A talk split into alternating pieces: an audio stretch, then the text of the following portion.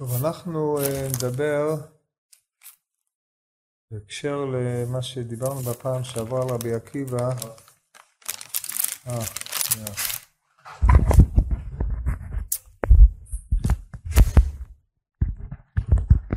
נקשר את זה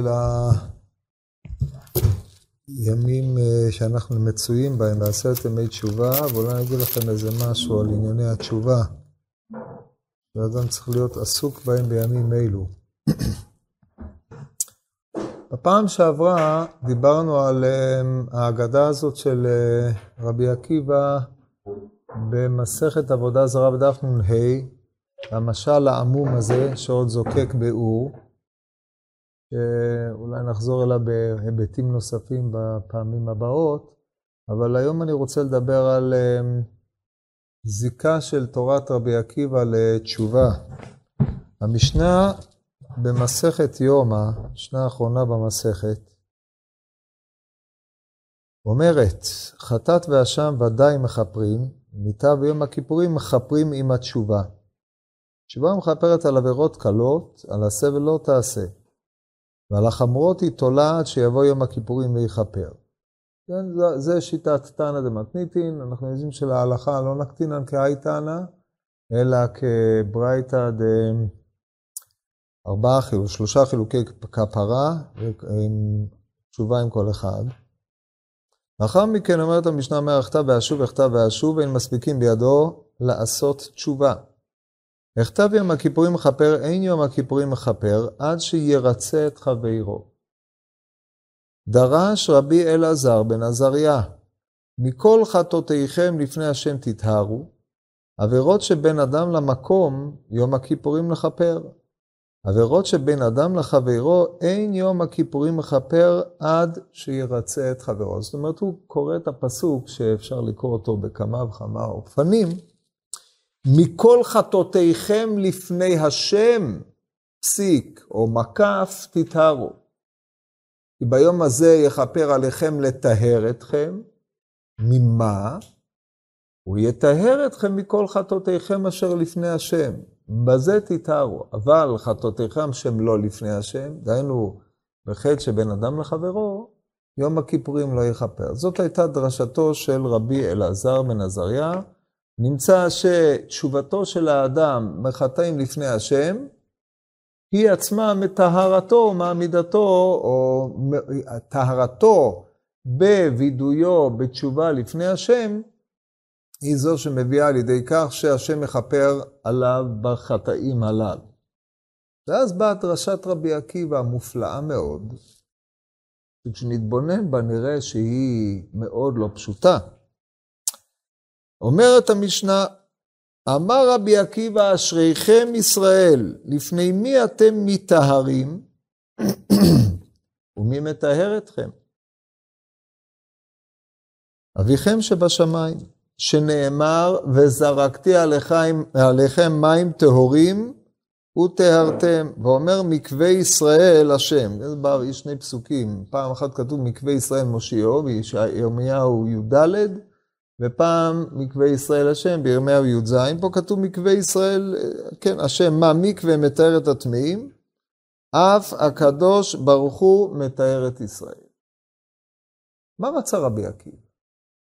ולולי דברי רבי עקיבא, הרי כבר, למה הוא צריך להזדקק לפסוקים של נביאים, להשוות את טהרתם של ישראל למקווה, הרי מפורש בתורה בפסוק שכבר הוזכר קודם לכן, כי ביום הזה יכפר עליכם לטהר אתכם מכל חטאותיכם. אם אנחנו לא נקרא את הפיסוק של רבי אלעזר בן עזריה, אז לטהר אתכם מכל חטאותיכם.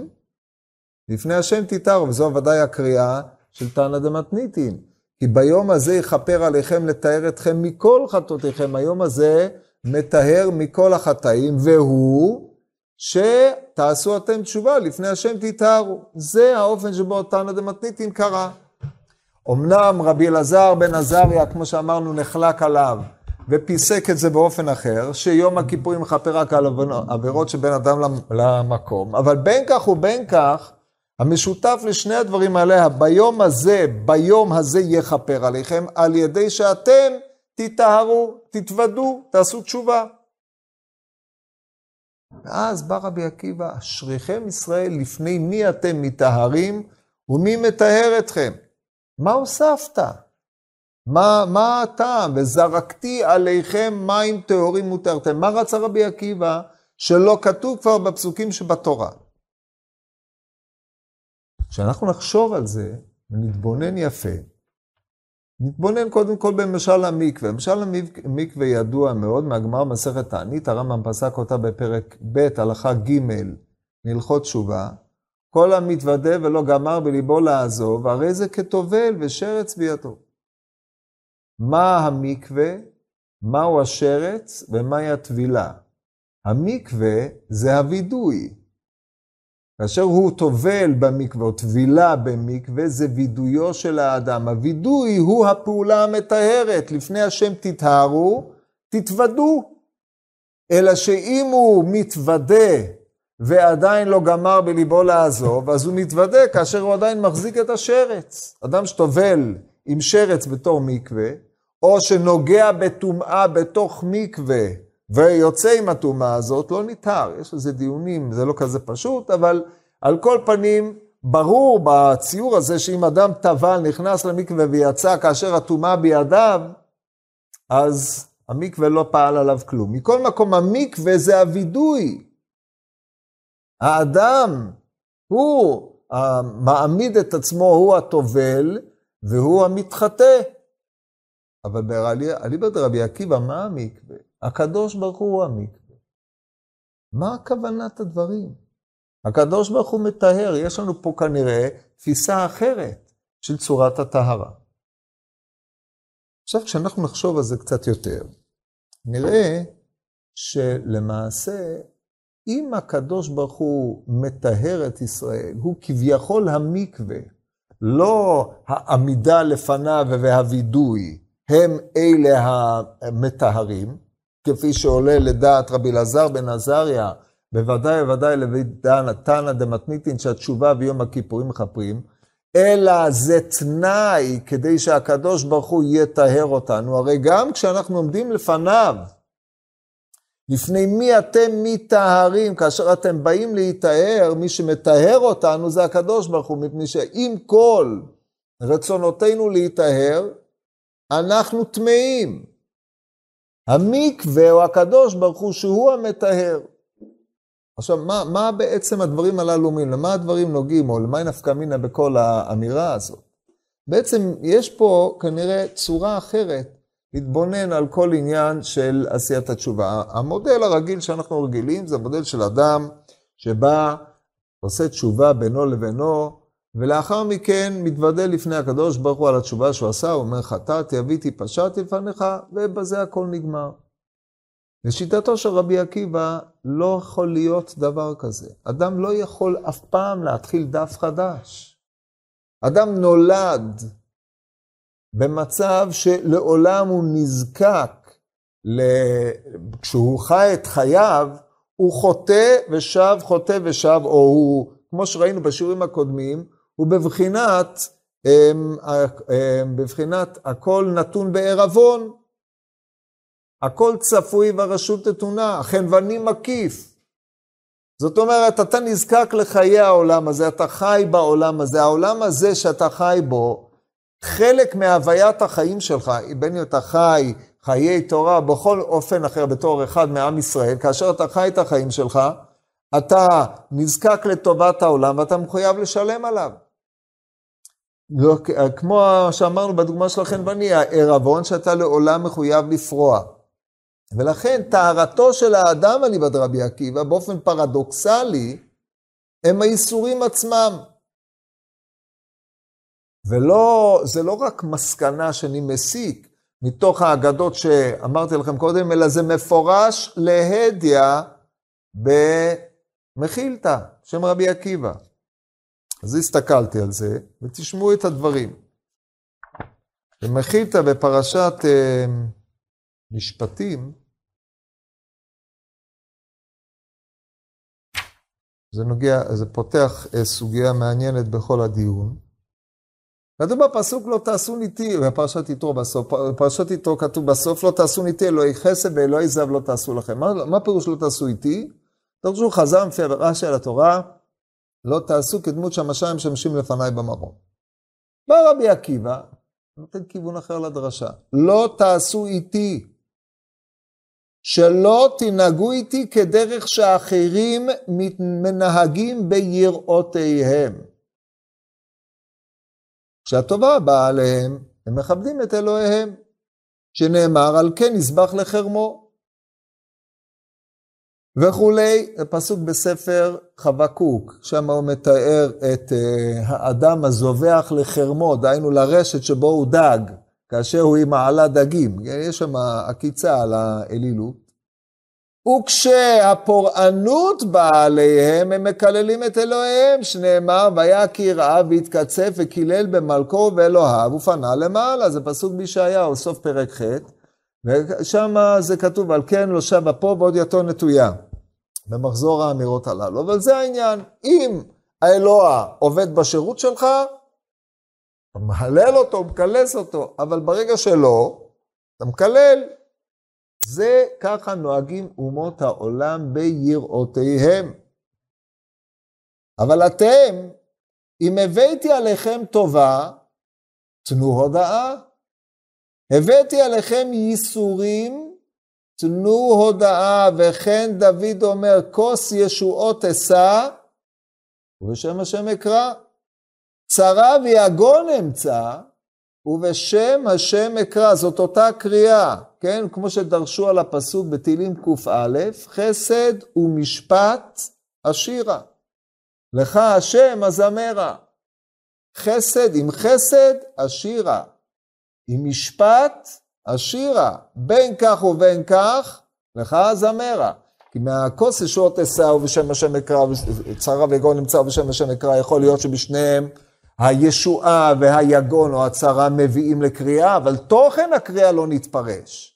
אבל בפסוק שאמרנו, בתהילים קא חסד ומשפט אשר לך השם הזמרה, שם התוכן, אין הבדל ביניהם. זאת שיטתו של רבי עקיבא בכל מידה ומידה שהוא מודד לך, הווה מודה לו במאוד מאוד. מהי בכל מידה ומידה? יש לך בעצם בין במידה טובה, בין במידת פורענות. הווה מודה לו, זאת אומרת, היחס שלך על מה שאתה מקבל מהשם יתברך, הוא לא תלוי בתוכן מה, ש... מה שבא עליך. בין אם באו עליך ייסורים, בין אם באו עליך טובות, לעולם תהיה מודה לו. ולא זו בלבד, אלא לפי ההגדה שפתחנו בה בזמנו, על פי הגמרא בסנהדרין בק"א, והבאנו את זה מהמדרש ב... בספרי, ספרי עקב, חביבים ייסורים. ועד שלא באו לו ייסורים על רבי אליעזר, אומר לו רבי עקיבא, הייתי חושב שקיבלת את עולמך בעולם הזה. או בניסוח היותר קיצוני בזמנו, בהשוואה שהוא משווה אותו עם מנשה מלך יהודה. שרק איסורים הם אלה שהביאו אותו למותה, ולכן מה אתה חושב, שהתורה שלך היא זו שתזכה אותך בגן עדן? מה שמזכה אותך זה המפגש שלך עם השם יתברך כאשר באים עליך האיסורים. אל תאבד את הרגעים האלה. אותו מוטיב פה. אבל זה לא נגמר פה, תכף תשמעו לאן זה מתקדם. ממשיך המדרש, וכן איוב, מי הוא לא יביא. וכן איוב אומר, השם נתן, השם לקח, יהי שם השם מבורך. על מה הוא מבורך? אז בפשוטו, על זה שהוא נתן. זאת אומרת, למרות שהוא אחר כך לקח, על כל פנים המברך אותו על נתינה, אומר לו רבי עקיבא, לא. כשהוא נתן, הוא מבורך. כשהוא לקח, הוא מבורך, וזאת נקודת החידוש של הקריאה שלו, על זה שהוא לקח, הוא מבורך. זו עמדה שאנחנו רחוקים מלהבין אותה מאוד, אבל היא עמדתו המכוננת של רבי עקיבא. תראו עד כמה זה מגיע. על מידה טובה ועל מידת פורענות. מה אשתו אומרת לו? אותך מחזיק בטומאתך, ברך אלוהים ומות. וכן הוא משיב, כדבר אחת הנבלות תדברי. גם את הטוב נקבל מאת השם, ואת הרע לא נקבל? זה יכול להיות. הרי אם את זה אנחנו מקבלים, גם את זה אנחנו צריכים לקבל. זה לא, זה, זה באיזושהי תפיסה של איזון, כי שתיהם אנחנו מקבלים מאת האלוהים, או כאשר הנקודה המעניינת אותנו יותר, זה שיש לנו שיח עם אלוקים בעצם הקבלה. אנחנו נמצאים באיזשהו מערכת דיאלוג, ככה הקדוש ברוך הוא מנהיג אותנו. כשהוא נתן אותנו בעולם, העולם הזה יש בו טובות ויש בו ייסורים. ושניהם הם האופן שבו הקדוש ברוך הוא מנהיג את עולמו, והאופן שבו האדם פוגש את אלוקיו. ולדעת רבי עקיבא, התעלותו של האדם היותר גדולה היא בייסורים. ואל תשכחו את המשנה הזאת שאמרנו קודם באבות, הכל נתון בערבון, והמצודה פרוסה על החיים. גם כשאתה מקבל זה בערבון. אתה צריך אחרי זה להחזיר חזרה. איסורים הם סוג של ערבון, באופן שכשתצא מן העולם, תצא נקי. כמו המשל של האיסורים שהבאנו במסכת עבודה זרה, שהקדוש ברוך הוא מביא איסורים על האדם, מפני שזה חלק מההוויה שלו. ברגע שככה הקדוש ברוך הוא מנהיג, או כמו העובדה שהלומדי תורה פוגשים את הקדוש ברוך הוא בלימוד התורה שלהם, ואף על פי כן הם, הם אפופים ייסורים. כמו שהיה כל מסירות נפש על לימוד התורה שהבאנו מהגמרא בברכות בס"א, שאמר לו פפוס לרבי עקיבא, אולי, אה, אה, מה, מה אתה לומד תורה עכשיו? אתה לא יודע שמלכות רומי גזרה גזרה, אמר להם, משל למה הדבר דומה? לדגים בים שיש בהם צודות. מקור החיות של הדגים היא מקור המוות שלהם. הם חיים מן המצודות, אבל, מה, מה, מהים, אבל מצודה פרוסה באותו ים. הוא לא יכול להיות, הוא נמצא במקום שיש בו גם את החיות וגם את המצודה. פה רבי עקיבא מעלה את זה לתפיסה יותר מרוממת. בכל מידה ומידה שהוא מודד, הקדוש ברוך הוא מדבר איתך דרך המידות האלה. באופן הזה הוא מתקן אותך כאדם. ובלי הייסורים, אתה חסר את חלק מן החיים, מפני שאתה באת לפה בתור מישהי שבא לעולמו של הקדוש ברוך הוא, הקדוש ברוך הוא ככה מנהל את העניינים באופן שאתה תבין מול מי אתה עומד. יש מידת אהבה ויש מידת עירה, ושניהם משמשים כאחד במידתו של מקום, וזה האופן הנכון לתפוס את אלוקותו של הקדוש ברוך הוא. הוא לא תלוי במה שאתה מקבל ממנו. עצם העובדה שאתה חי, עצם העובדה שהוא משפיע עליך חיות כדי לקבל את ההשפעה שלו, ההשפעה שלו היא באה בפנים אה, שונות. פנים שמחות וצהובות ופעמים איומות. ושניהם הם ההופעה האלוקית, ועל שניהם אדם צריך מודה, להיות מודה לו, מפני שבזה הוא פוגש אותו.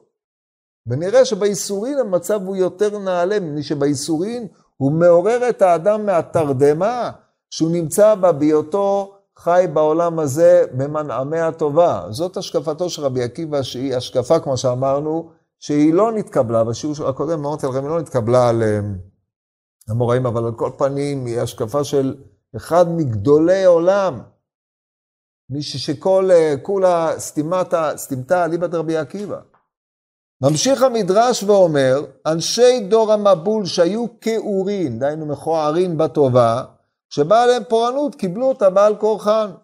אנשי סדום כאורין בטובה, שבא עליהם הפורענות, קיבלו אותה בעל כורחם. ואנו, שהיינו נעים בטובה, לא נהיה נעים בפורענות? לפיכך אמר לה, כדבר אחת הנבלות תדברי. כך אומר איוב לאשתו. ועוד, שיהיה אדם שמח, זה השיא? זה הבאתי את המדרש הזה. שיהיה אדם שמח בייסורים יותר מהטובה, שאפילו אדם עומד בטובה כל ימיו, אינו נמחל לו מן העבירות שבידו. זה הרי מה שרבי עקיבא אמר לרבי אליעזר. ומי מוחל לו העוונות? הווה אומר, ייסורים. עכשיו, לא צריך הרבה דמיון כדי לראות את הקשר הברור בין המשפט פה, של דברי רבי עקיבא, לדברי רבי עקיבא במשנה. מי מטהר אתכם? הקדוש ברוך הוא, מה מקווה מטהר את הטמאים? אף הקדוש ברוך הוא מטהר את ישראל. איך הוא מטהר את ישראל? זה יפה שאתה עושה תשובה, אבל עשיית התשובה שלך היא רק שלב א'. הייסורים שהם הכפרה הם טהרתו של האדם. זאת אומרת, בניגוד לדעתם של רבי אלעזר בן עזריה והתנא קמא, שיום הכיפורים והאיסורים מכפרים, אה, יום הכיפורים ותשובה מכפרים, אומר רבי עקיבא, לא, לא. בלא איסורים לא נתכפר לו לאדם כלום. והאיסורים הם חלק אימננטי מן החיים. עכשיו תבינו מה זה אומר בעצם. מונח פה, מונחת פה תפיסה עמוקה, שהקדוש ברוך הוא הוא המקווה המתאר את הטמאים. זאת אומרת, הוא בא אליך בהיותך טמא, גם אחרי כל התשובה שלך, גם אחרי כל מה שעשית, אתה עדיין טמא. ואף על פי כן הקדוש ברוך הוא בא אליך, הוא מטהר אותך מטומאתך. זה לא שאתה מתייצב לפני הקדוש ברוך הוא בווידוי אחרי, אחרי שטיהרת את עצמך במקווה. אלא לדעת רבי עקיבא, גם אחרי כל, כל ההיטהרות שלך, עדיין אתה צריך את כפרתו של הקדוש ברוך הוא. ודרך אגב להלכה, אנחנו נוקטים שיטה מעין זו, כן, עבר על עבירות חמורות, לפי מה שדרש רב מתיה בן חרש לפני רבי ישמעאל, תשובה תולה, תשובה ויום הכיפורים תולים, ואיסורים גומרים, או ממרקים. ויש דברים שעד סוף אה, חייו לא מתכפר לו. אבל על כל פנים, הנקודה שאני רוצה להביא, שתבינו מההקשר של דברי רבי עקיבא, שתפיסת האיסורים הבאה לאדם, היא בעצם באה לעורר את האדם לעמידה הנכונה לפני השם. מפני שזה בלתי נמנע, כשאדם חי בטובה, אז האדם מרוחק מהשם. כאשר אדם נמצא בייסורים, מטבעו, א', הוא מודע לחוסר שיש בו, לחסר העצמי הטבוע בו, הוא גם מודע לתלותו המלאה בבורא יתברך, הוא גם נזקק וצועק מעומקא דליבה. והגדלות של האדם, בלי איסורים אי אפשר להגיע לזה, הגדלות של האדם הוא להיות בעמדה דומה גם בהיותו בטובה. שהטובה לא משכחת את ההכרה שהכל בא מאיתו יתברך, והוא לא מובן מאליו. אבל כיוון שהאדם, אי אפשר לו שיחיה חיים כאלה, שהוא יהיה כל ימיו בטובה, בטובה לדעת רבי עקיבא, מפני שהטבע האנושי משכח או ממכר את האדם למה שיש לו, עד שכאשר יש לו חסר, יש לו תביעה למה אין לי את מה שהיה צריך להיות לי. האיסורים באים ומשנים את תמונת המבט של החיים שלו לחלוטין. זה השלב שעולה מן המדרש. זה תפיסת הכפרה של המקווה.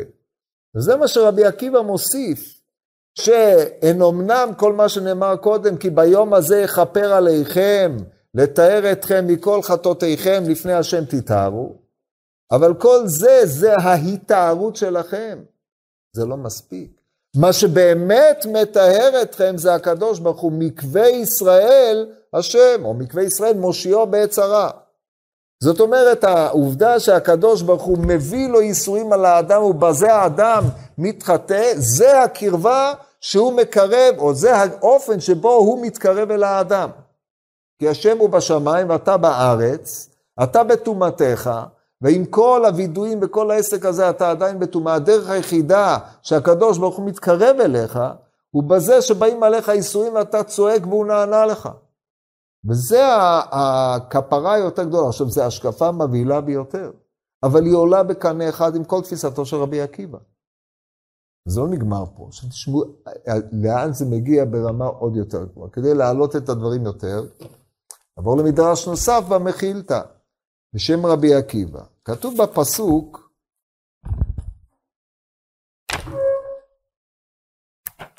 זה אלי וענווהו אלוהי אביו הרוממנו. מה פירוש זה אלי וענווהו? באו כמה וכמה דרשות, מפורסמת הדרשה של הגמורה בשבת בקל"ג עמוד ב', של אבא שאול, אני והוא, ענווהו, התנהל לפניו. וזה מובא גם פה, זה אלי, אה, כתוב, וענווהו רבי שמואל אומר, וכי אפשר לבשר ואדם להנוות לקונו, אלא אין נווה לו במצוות. זה הדרשה של אבא שאול בבבלי. אעשה לו לולב נא, סוכה נא, ציצית נא, תפילין נא. זאת אומרת, אני אשתדל לעשות דברים ש, שמה שהקדוש ברוך הוא ציווה עליי, אני אעשה אותם בצורה היפה ביותר, כדי שלהדר את ציוויו של מקום, כי הדיבור האלוקי זה נקודת ההתקשרות בינינו לבינו. ויוסי הגלילי אומר, נויו ושבחו, נייהו ושבחו לקדוש ברוך הוא בפני אומות העולם. זאת אומרת, זה אלי וענווהו, אני אהלל אותו בפני אומות העולם, כדי שיכירו את גדלותו של הקדוש ברוך הוא. רבי יוסי בן דור מסכית אומר, אעשה לפניו בית מקדש נאה, ענווהו מלשון נווה, נווה בית, כן, אנוכי לקחתיך מן הנווה אחר רצון, אין נווה לבית מקדש ואת נווהו אשמו. ואומר, חזה בציון קריית מועדינו, עיניך תראינה ירושלים נווה שאנן. בא רבי עקיבא, אומר, משהו אחר. זה אלי וענווהו, אדבר בנאותיו ובשבחותיו של מי שאמר והיה עולם בפני אומות העולם. ענווהו אני אדבר בשבחותיו ונויותיו. טוב, כבר ראינו את זה קודם. בא רבי עקיבא אומר, אתם יודעים מה אני אגיד? בואו תשמעו מה הוא אומר. שהרי אומות העולם שואלים ישראל לאמור, מה דודך מדוד שככה השבעתנו? אני אקרא לכם את הפסוקים. זה נמצא במצב הקשה בפרק ה' בשיר השירים, אחרי שהראיה מחפשת את הדוד, והדוד נעלם, והיא יוצאת לחפש אותו. מצאוני השומרים, הסובבים בעיר, היכוני פצעוני, נשאו את רדידי מעלי שומרי החומות, השבעתי אתכם בנות ירושלים, אם תמצאו את דודי, מה תגידו לו? שחולת אהבה אני. חולת אהבה, אתם, יש שתי אפשרויות לפרש את הביטוי הזה. או מחמת האהבה אני חולה, או, כן, האהבה הביאה אותי לחולי. או שאני חולה, לא, בעצם חולת אהבה אנחנו נראה, בדרך כלל זה שהיא, כן, אהבתה לבורא הביא אותה לידי חולי. אנחנו נראה את המשמעות של אהבתה מביאה לידי חולי. זה הפירוש שאנחנו נקרוא פה. חולת אהבה אני. ואז הם שואלים, שואלים האומות, מה דודך מדוד היפה בנשים? מה דודך מדוד שככה השבעתנו? ועונה ראיה, דודי צח ואדום. שימו לב לצירוף המרתק, צח ואדום. לבן ואדום. מידת הדין זה אדום, ומידת הרחמים, על הבנינות. דודי צח ואדום, דגול מרבבה. ואז יש פה תיאור, אנחנו נסתפק בזה, ואחרי זה בסוף, אנא בסוף, אחרי שהוא מתאר את, את כל ה... את דודה, את הדוד, הרעיה מתארת אותו, אז אומרים לה, אה, זה דודי וזה ראי בנות ירושלים, אנא הלך דודך יפה בנשים, אנא פנה דודך ונבקשנו עמך.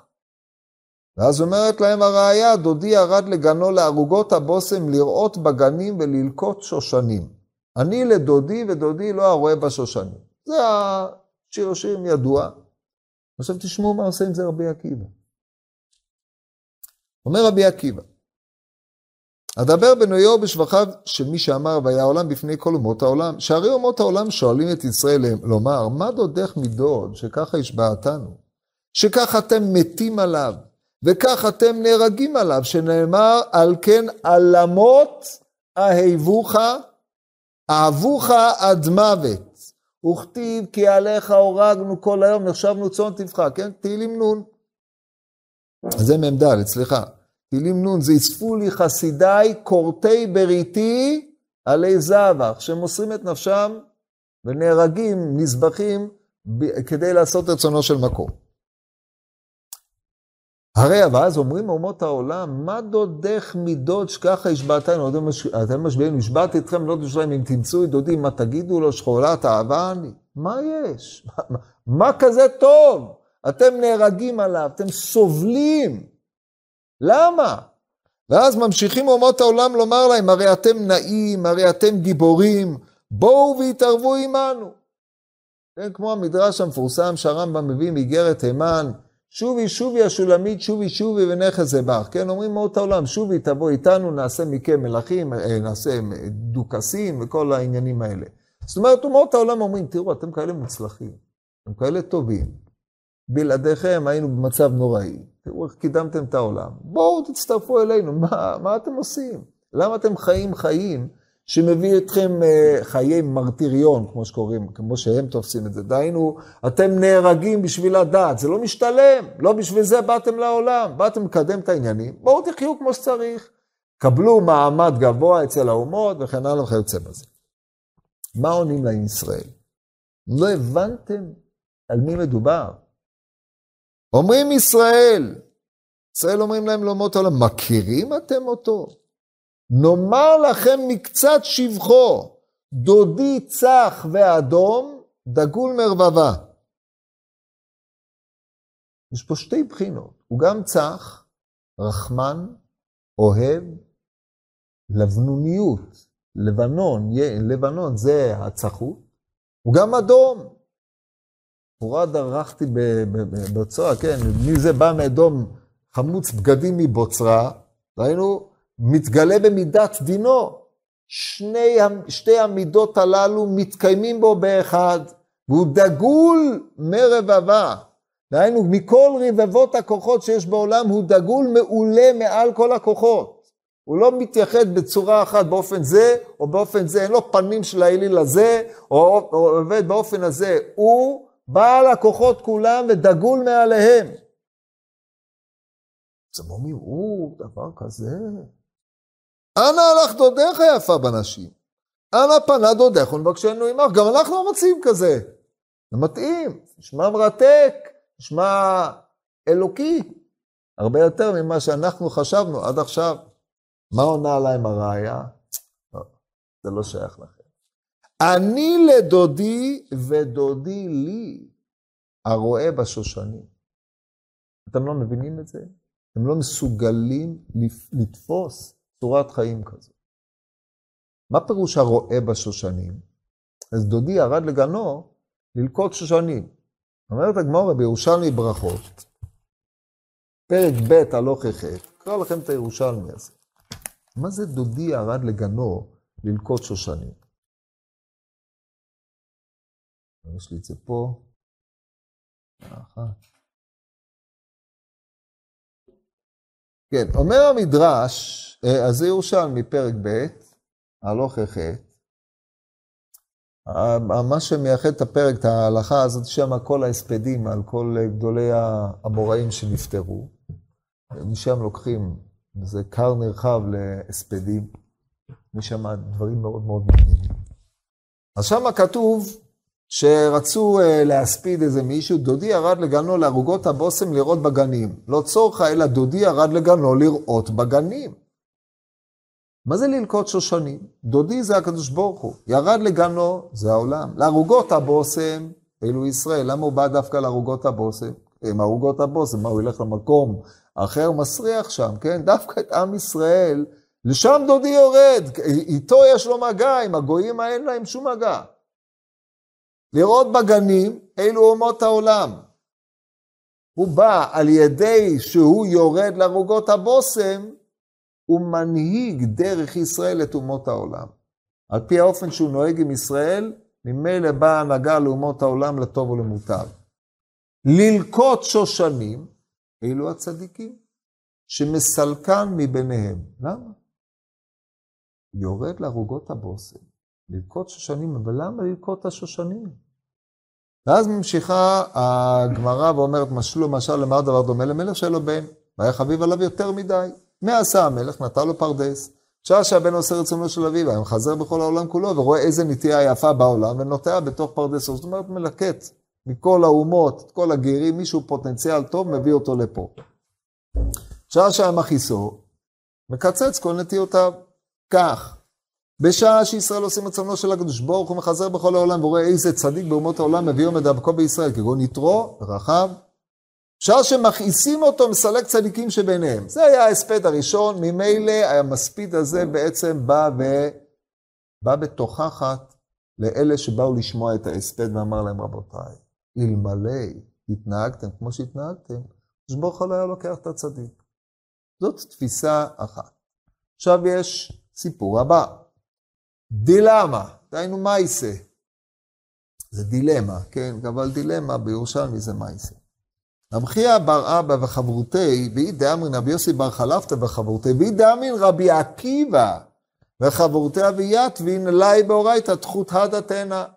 ויושבים, לומדים תורה, תאנה אחת, לה ריח טוב, ויושבים ולומדים תחת התאנה, יש לה עלים גדולות, כנראה תאנה מפותחת, וזה מה שהיה. והווה מרא דתאנתא קריץ ולקית לה בכל יום. זאת אומרת, בעל התאנה היה משכים ולוקט את התאנים בכל יום.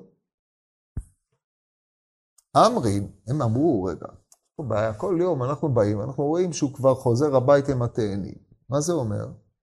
הוא לא רצה להגיד לנו ללכת, אז הוא אסף את התאנים לפני זה, למה? כדי שאנחנו לא נאסוף, הוא חושד שאולי אנחנו ניקח לו את התאנים. אז הם אמרו, שמא הוא חושדנו, ולכן הוא מקדים, הוא משכים בבוקר לקחת את התאנים. מה עשו? נחליף את מקומנו. למחר, אתי אמרא דתאנת הגבון. ראה שהתלמידי חכמים לא נמצאים תחת התאנה שלו, אמרנו, רבותינו, למה לא, מה, מה היום יומיים? בקיצור, למה אתם לא תחת התאנה? אמרי לי מרי. אה, אה, אה, אז הם אמרו לו, למחר אתי אמרא דתאנת הגבון. אמרו לו, מרי, רבותיי, הפחדה מצווה דאביתא נהיגין ועבדין עמי מנעתון מיני. מצווה אחת הייתה לי, שלפחות התאנה שלי שימשה תלמידי חכמים, נתנה לכם צל בשעה שלמדתם, גם את זה אתם לוקחים ממני. אמרו לי, אמרי דילמה אח שדלן, בצ...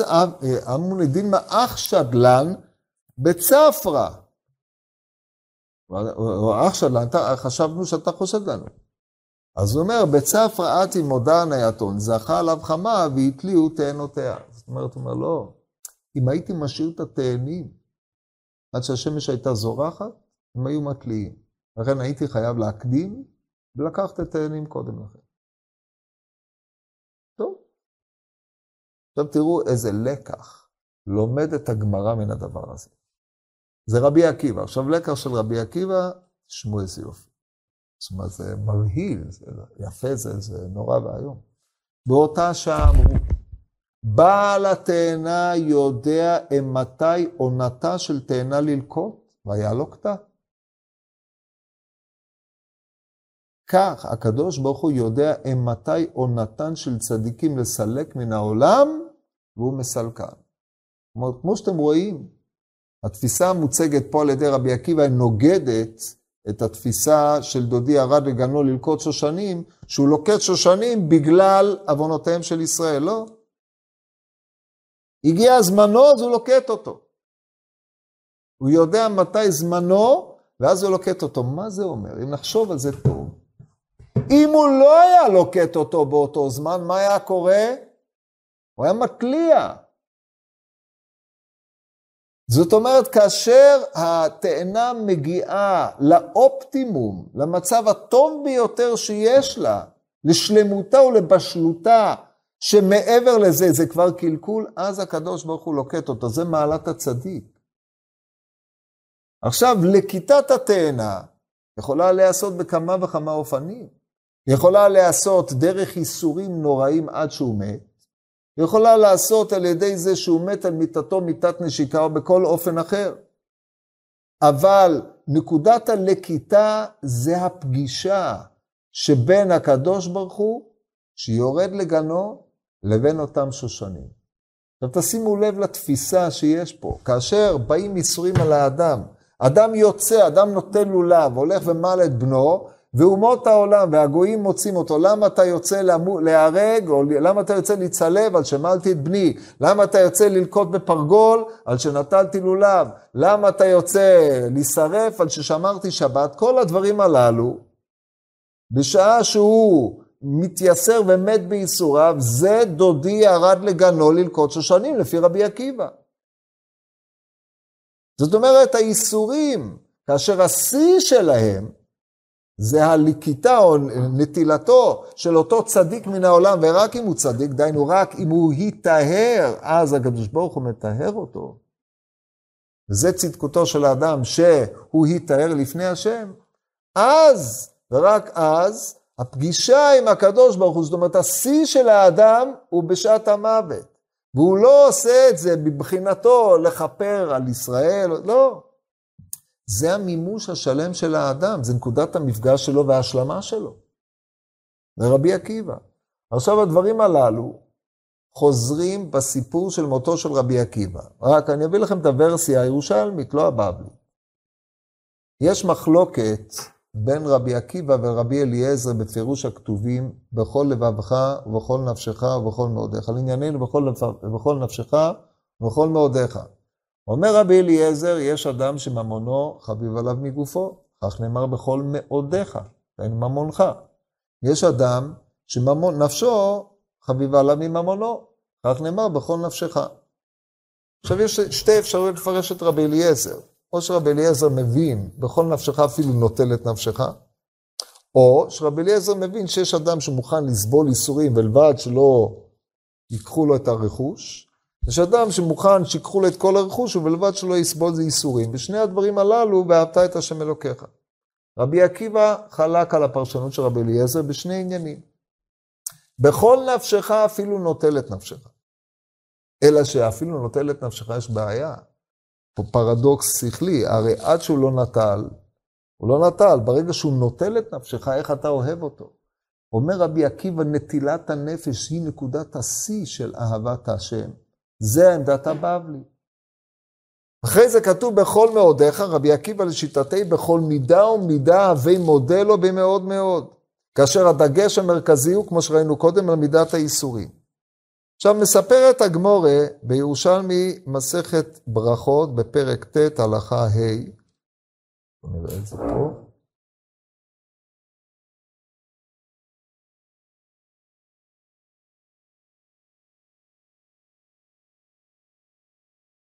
אקרא לכם את זה, זה ארמית אה, גלילית, לא נורא, גם את זה להכיר. רבי עקיבא הוה קיים מידון קומי טורנוס רופוס הרשע. דהיינו עומד נידון בפני טורנוס רופוס. אתת ענתה דקריאת שמע. דהיינו הגיע עונת קריאת שמע. שרי קרי שמע וגחיך. התחיל לקרוא שמע וצוחק באמצע הדין. טורנוס רופוס הוא התליין, לצורך העניין.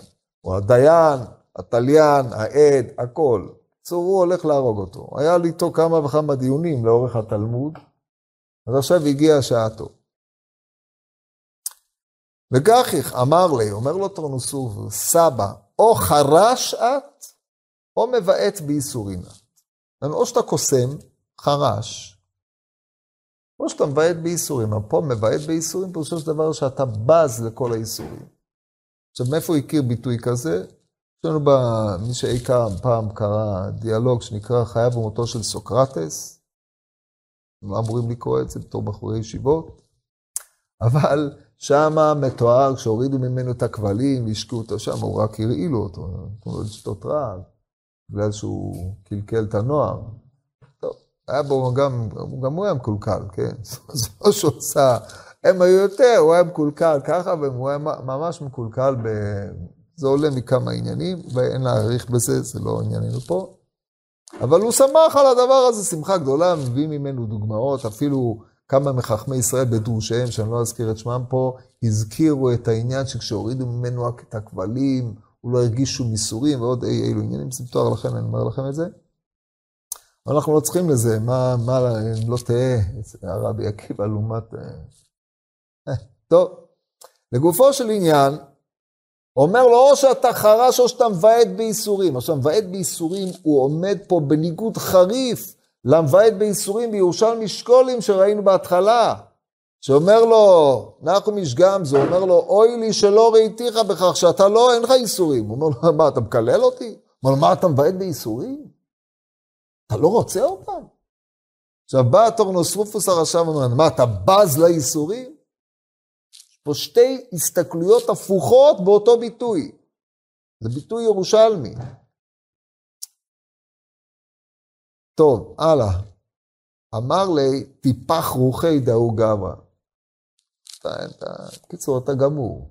ככה אומר לטורנוסופוס, אין לך רוח בכלל. תצא רוחך.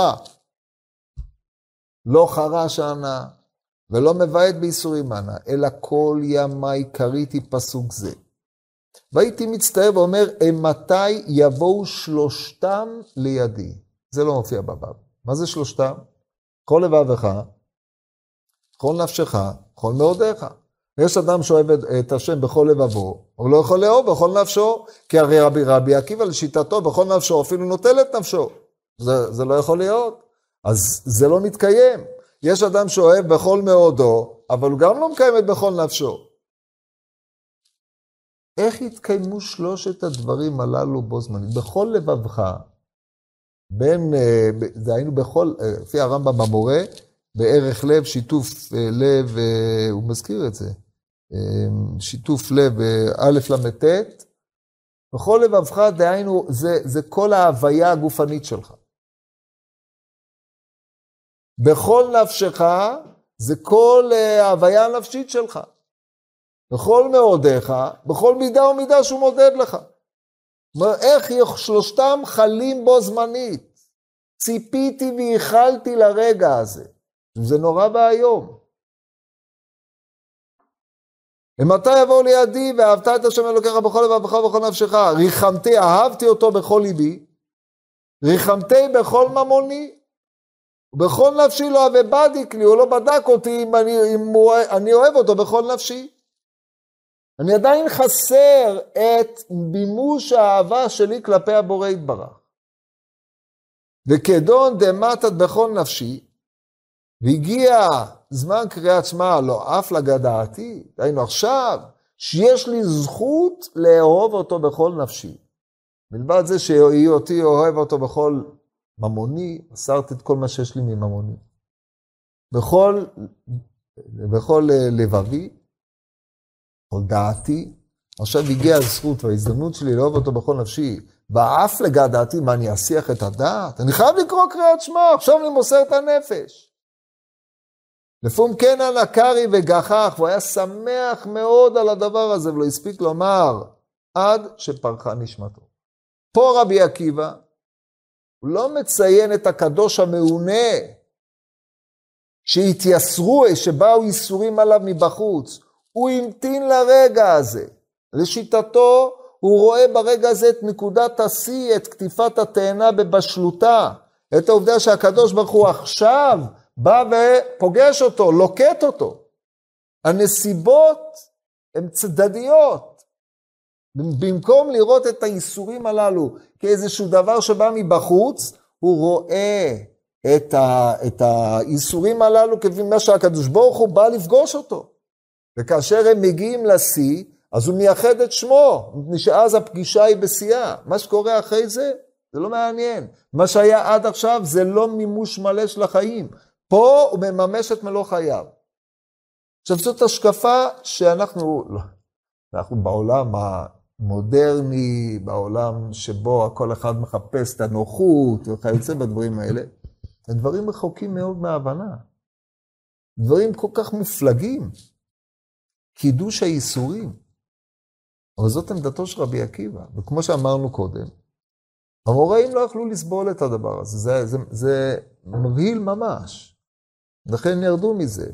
חביבים עליך ייסורים, לא הן ולא שכרן, יב ליד יבעוק מגדולי האמוראים, רבי אלעזר, רבי יוחנן, אחי אבא רבא. אז לכן, אמ, זה, זה רף שרבי עקיבא וחבריו, זה רף ענק. שאי אפשר לתאר בכלל.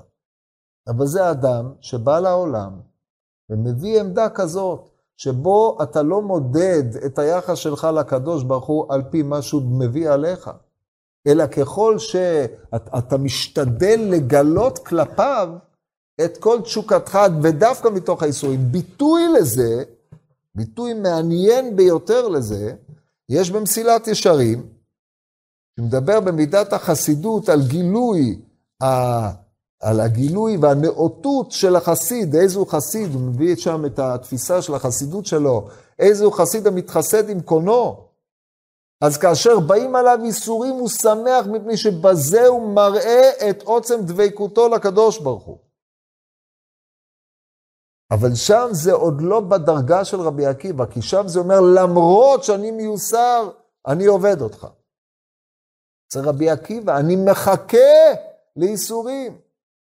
משתוקק להם מפני שהם הפגישה היותר אמיתית. ככל שאדם מעיין עם א' את עצמו, מבטל את עצמו.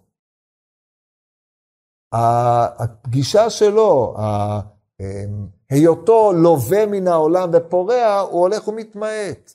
ובזה הוא נעשה יותר זך, בזה הוא יותר ראוי לפגוש את הקדוש ברוך הוא.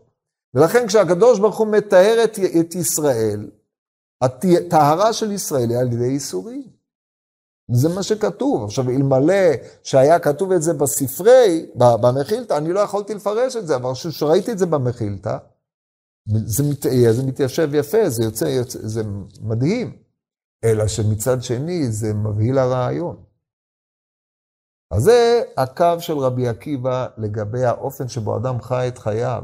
שכל מה שהוא חי בעולם הזה, הוא חי על חשבונו של הקדוש ברוך הוא. ולכן הקדוש ברוך הוא, ככל שהוא ממעט את עצמו, הוא זוכה לפגישה יותר נקייה עם השם יתברך. כאשר השיא הוא מסירת הנפש על אה, קדושת השם, שהיא מבחינתו הבשלות המלאה של האדם. בתפיסה יהודית, אומות העולם לא יכולים להבין את הדבר הזה בכלל. כי אצל אומות העולם, התפיסה האלוקית, האלוה הוא בשירות האדם, אדם עובד אותו כדי שהוא ייתן לו. פה התפיסה היא בבחינת בנו העובד אותו, כמו שאומר המלאכי בנביא. טוב, אז זה העניין האחד. עכשיו, מה אנחנו עושים עם זה? פה עכשיו נעבור קצת אה, לעניינים, אה, נמשיך עם זה, אבל בענייני התשובה, ונראה כך. בהלכות מקוואות, כותב הרמב"ם, בסוף הלכות מקוואות.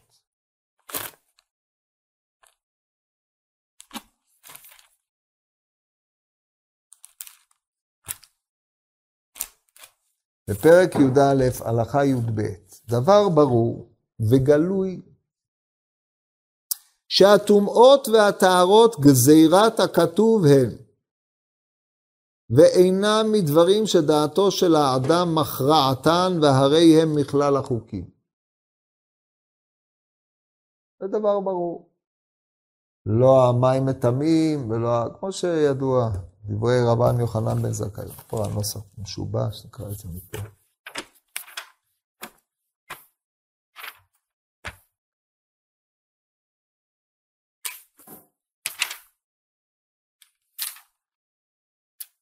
כן. וכן הטבילה מן הטומאות מכלל החוקים היא שאין הטומאה טיט או צואה שתעבור במים, אלא גזירת הכתובים. והדבר תלוי בכוונת הלב, לפיכך אמרו טבל ולא הוחזק כאילו לא טבל. וזו הלכה ממעלות מעלות הטהרה, ישנה מסכת חגיגה בפרק שלישי. אדם שטבל לתרומה, הוחזק לתרומה, לא הוחזק לקודש, טבל למעשר, הוחזק למעשר, לא הוחזק לתרומה. טבל לחולין, הוחזק לחולין. זאת אומרת, אתה, כשאתה טובל, אתה צריך להתכוון לשם מה אתה טובל. אומרת, לא דייה עצם הטבילה במים, אלא צריך גם להתכוון. אז יש גמרא בחולין בל"ד בנידה שנאנסה וטבלה. דהיינו, היא הלכה על הגשר ונפלה לתוך מים. האם הטבילה עולה לה או לא? היא לא התכוונה לטבול, אלא נפלה פנימה. אז לכן אומר הרמב"ם, הדבר תלוי בכוונת הלב, לפיכך אמרו חכומים טבל ולא הוחזק כאילו לא טבל. עכשיו, כמו שראינו או אני מניח שראיתם על אה, תקיעת שופר, אף על פי שתקיעת שופר בראש שנה גזירת הכתוב, רמז יש בו, אז גם טבילה במקווה, רמז יש בו. מה הרמז? רמז יש בדבר, כשם שהמכוון ליבו להיטהר, כיוון שטבל, טהר.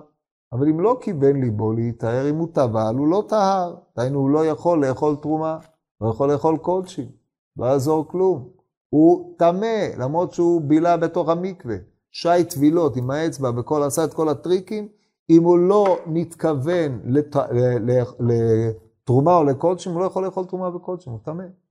אבל זה מדרבנון, כן? אם הוא אכל, לא חייב מתעבדי שמיים, אבל לכתחילה אסור לו לאכול, אסור, זה איסור דרבנן.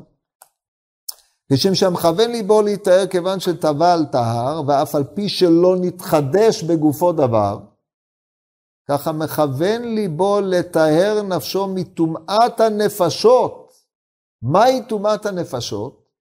מחשבות האוון ודעות הרעות, דהיינו המידות המגונות, כיוון שהסכים בליבו לפרוש מאותן העצות, והבין נפשו במי הדעות, טהר.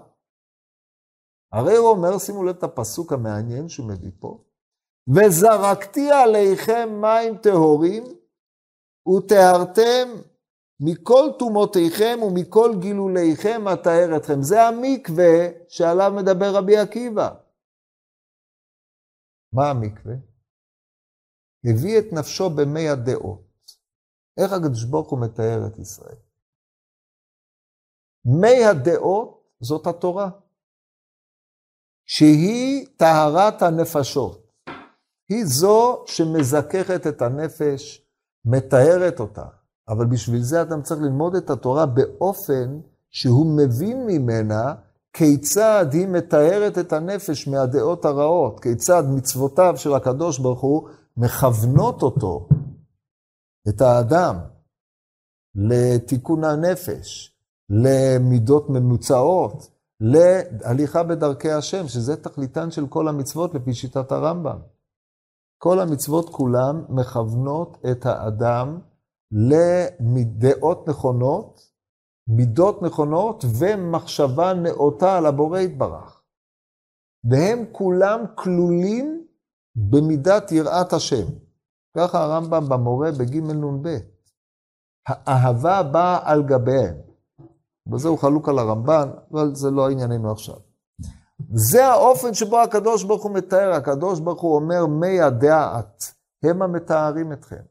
וזרקתי עליכם מים טהורים ותורתכם. זה, זה יפה מאוד שאתה הולך למקווה בערב יום כיפור, טובל, בכוונות, שתי תפילות, שלוש, שבע, כל ה... ושאתה עושה את כל הריטואל זה טוב מאוד. אבל אם לא תהיה, אבל הטהרה האמיתית היא על ידי מה שהקדוש ברוך הוא מתאר אותך, וזה התורה שמזככת את האדם. כאשר הוא למד אותה באופן הרלוונטי שהיא תזכך את נפשו. כאשר הוא נותן על ליבו כיצד בלימודה הוא מתקן את מידותיו, כיצד מצווה זו מכוונת לתיקון מידה אחת, מצווה זאת מכוונת לתיקון מידה אחרת, כמו שהרמב"ם מסביר בשמונה פרקים, בפרק הרביעי. אז התורה מעצבת את האדם, זה המים שהאדם נתון בהם. לדעת רבי עקיבא, המים האלה הם החיים שלנו. אם אנחנו עוזבים את התורה, אנחנו כמו דגים שיוצאים מן הים ומתים. ואותה תורה שהיא מקור חיותנו, היא נותנת חיות לנפש, היא זו והיא האופן שבו הקדוש ברוך הוא מתאר המקווה ישראל, היא אותם מים שבו יכול להיות שאדם יהיה ניצוד, או כמו הדג שהוא ניצוד, וזה איסורים. אומר רבי עקיבא, שכשאדם מקבל את שני הדברים הללו, המקור של החיים הם גם כן המקור של האיסורים, ששניהם הם טהרת האדם. וזה תבינו את עומק דברי רבי עקיבא. בעשיית התשובה לא די בווידוי, אלא אדם צריך ללכת בדרך התשובה לראות כיצד השקיעות שלו בתורה מזכרת אותו, מטהרת אותו. עכשיו, אבל כיוון שהגענו לזה, אז אני אגיד לכם עוד כמה דברים לכבוד יום כיפור, על ענייני התשובה, כבר עברה שעה, אז... אה, אבל אי אפשר אה, בלי זה. ידוע, קושייה המפורסמת שהתקשו בדברי הרמב"ם בהלכות תשובה בפרק ב', הלכה ב', מהי התשובה שיעזוב החותכת, או ויסירנו ממחשבתו, ויגמור בליבו שלא יעשהו עוד, שנאמר, יעזוב רשע דרכו וישב אל מחשבותיו. תמצית הרעיון, עזיבת החטא. אשר עזיבת החטא אפשרית רק אם יגבור, יגמור בליבו שלא יעשהו עוד. בלי שהוא גמר בליבו, אז עדיין החטא נתון בו, הוא עדיין אחוז בחטא. טובל ושרץ בידו. כל הטוב, כמו שאמרנו בהתחלה, כל המתוודה בדברים ולא גמר בליבו לעזוב. זה השיא. על עזיבת החטא העמיד האדמו"ר הזקן את עיקרה של התשובה דרך הפשט. פרק ג', צריך לקרוא את זה באיגרת התשובה. זה העיקר. אחרי זה בא חלק שני ברמב"ם. וכן התנחם על שעבר, שנאמר, אחרי שובי ניחמתי, אחי ודאי ספגתי על ירך, בושתי וגם נחלמתי כי נשאתי חרפת נעוריי. כך כתוב בירמיהו. אחרי שובי ניחמתי. זאת אומרת, אחרי שעשיתי תשובה ועזבתי, אני מתנחם על שעבר. מפני שאם אדם לא מתנתק מהעבר שלו, והתנתקות מהעבר היא איננה רק פתיחת דף חדש, אלא היא הסתכלות על העבר בצער. זה לא האופן שבו רציתי לחיות את החיים שלי. מפני שרק זה מקרין על העתיד. אדם שלא מתחרט על העבר, בילה 20 שנה בחטא כזה, נמאס לו, עכשיו הוא אומר, אני עכשיו משנה את כל החיים, עובר לכיוון אחר. אומר לו, מה אתה אומר על ה-20 שנה? אין, היו ה-20 שנה הכי טובות שהיו לי בינתיים, אני מקווה שעכשיו זה ישתפר. זה אדם שלא התחרט. זה אדם שרוכב על גבי החטא מבילוי לבילוי. הוא אומר לו, אני כבר לא יכול לעשות מה שעשיתי אז, אז אני עכשיו עושה דברים אחרים. אומר לו, אתה רוצה לחזור לשם? לא, לא, אני לא רוצה לחזור, כי אני לא אוכל להפיק את המרב מהמצב שאני נתון בו. זה אדם שלא התחרט.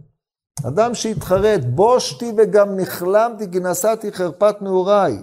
מסתכל על חטות נעוריו, מסתכל על האופן שבו הוא חי את חייו באופנים קודמים, הוא מתחרט שככה הוא חי, הוא מבין את הטעות שבחיים האלה.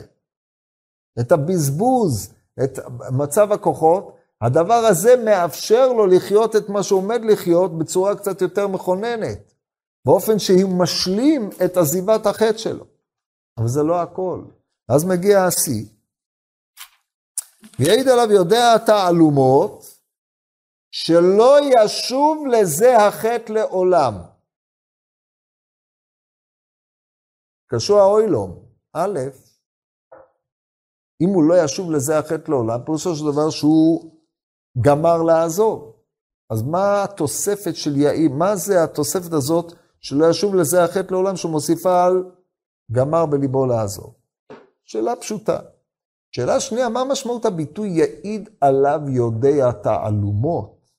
מכל הביטויים שהקדוש ברוך הוא מכונה בהם, בחר הרמב"ם דווקא את הביטוי יודע התעלומות שמופיע פעם אחת בתנ"ך, וזה לשון הכתוב, בתהילים מ"ד. תשמעו את הפסוק, כי הוא חשוב להבנת הרמב"ם הזה.